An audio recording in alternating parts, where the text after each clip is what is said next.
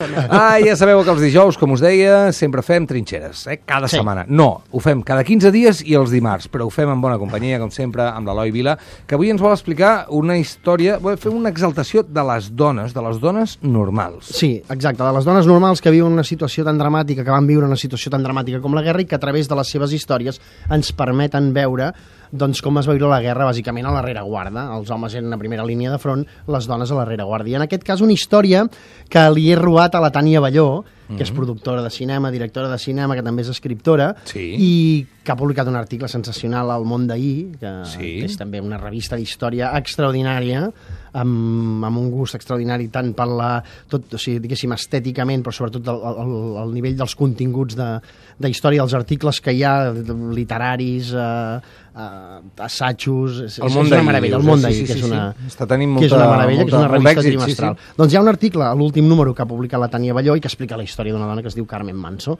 I, Ai, i- la volem sentir. i que us l'explico ara mateix, que és una dona madrilenya que viu la guerra a la rereguarda republicana i la viu aquí a Barcelona, la viu a València i després a l'exili de Mèxic, no? I qui era la Carmen Manso? Aviam. Doncs per saber qui era la Carmen Manso vull que escolteu aquesta cançó.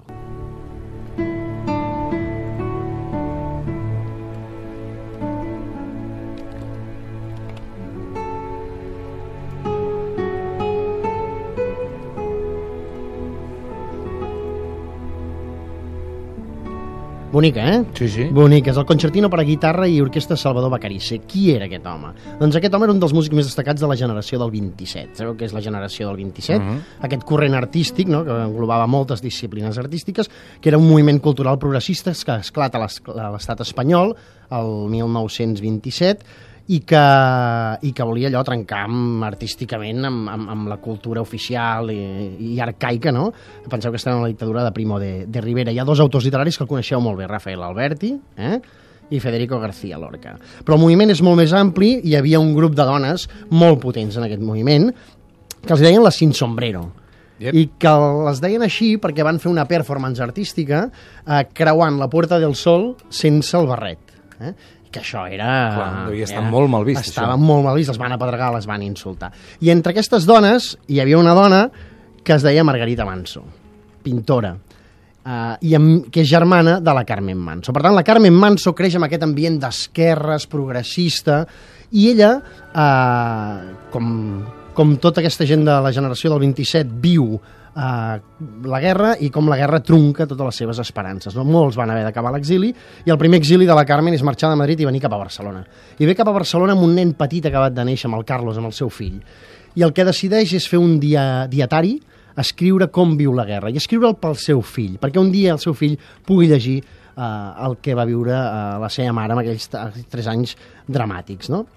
I el que fa doncs, és començar a escriure i és molt curiós perquè ella, que havia estudiat farmàcia, eh, explica el dia a dia, ho anota tot, el pes de la criatura, el que menja, eh, tot el que li passa, no?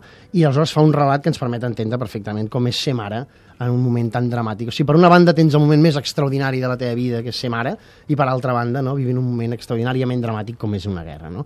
I, per exemple, hi ha una carta, hi ha un, hi ha un moment del dietari que l'escriu a Barcelona el desembre del 36 quan arriba, que anota allò, peso de la criatura, 3 quilos 520 grams, eh? dia de preocupació, ¿eh? Le peso y en la farmacia solo se acusa un aumento de 100 gramos, quan en realitat havia d'haver augmentat 200 grams la criatura, no?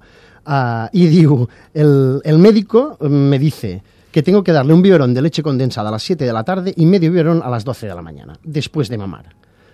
Hizo que mamara al pequeño durante la consulta y lo pesó. Solo aumentó 60 gramos. Y al metge li diu, me dice que yo coma mucho y bien para remediar en lo posible esta flojera. Y yo me pregunto, ¿cómo, no? Com menjo enmig d'una guerra civil? Per tant, els problemes per, per, per poder criar una, una criatura. No? En, en el dietari també explica, no el llegeixo perquè és molt llarg, com també es troba una altra dona a la cua i com una dona per la por de no poder amamentar un dia i no tenir prou aliment per ella mateixa i que la llet sigui prou eh, tingui pr prou, o sigui, prou aliment per la Sí, seva sí, criatura, sí, sí, sí. no para de comprar a sobres de, de llet en pols, no? Mm. Quan li diuen, se li faran malbé, senyora, i ella patint perquè la criatura pogués... Uh, per si un dia ella no podia alimentar la criatura, no? Bé, en qualsevol cas, la història de la Carmen la, la, la porta a València, de Barcelona se'n va a, se'n va a València, explica que han viscut un, un fort bombardeig i es planteja també en el dietari. És possible acostumbrar-se a les bombes?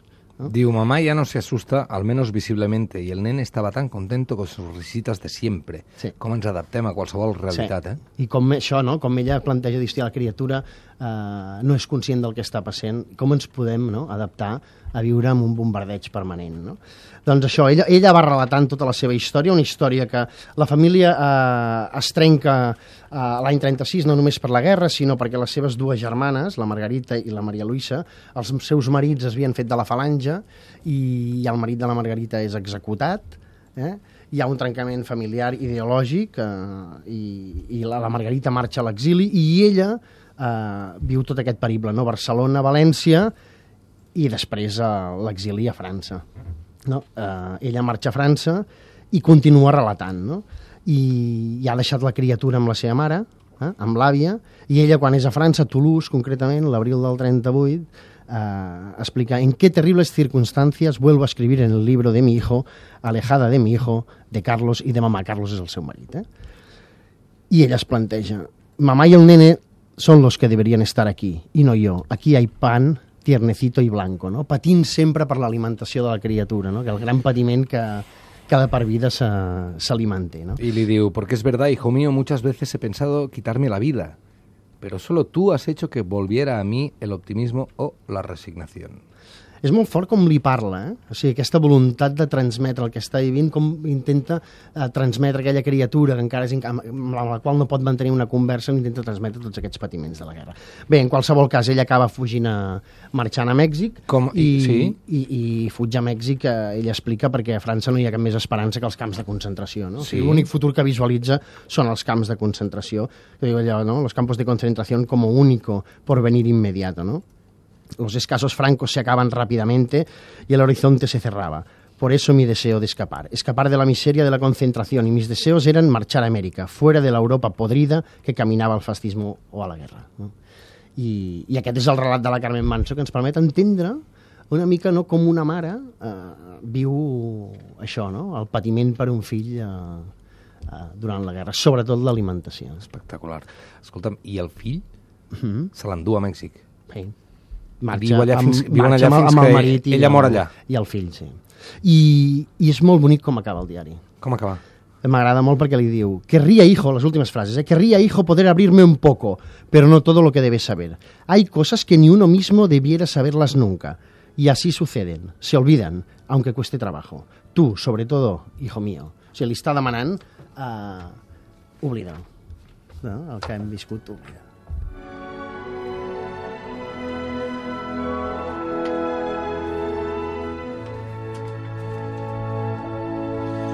Espectacular aquesta història... Eh, bueno, et posa la pell de gallina, eh, realment, eh, aquesta història de la Carmen Manso. Sí, correcte. De les dones de la guerra. És el dia a dia, no? És el Sí, que sí. diuen la, la intrahistòria, o Sí, la sí. micro, les microhistòries que formen al final la història. Sí, i, i, i hòstia, dono gràcies a la Tània per recuperar-la com tanta i tanta gent, perquè, hòstia, a mi m'agrada molt això, no? de, de poder recuperar aquestes petites històries que són que n'hi ha milers i centenars de milers, no? i que anar-les recuperant, anar-les explicant ens permeten entendre això, aquests fets dramàtics que vam viure fa 80 anys. És el que deies tu, Anna, no? La història té moltes històries particulars i ara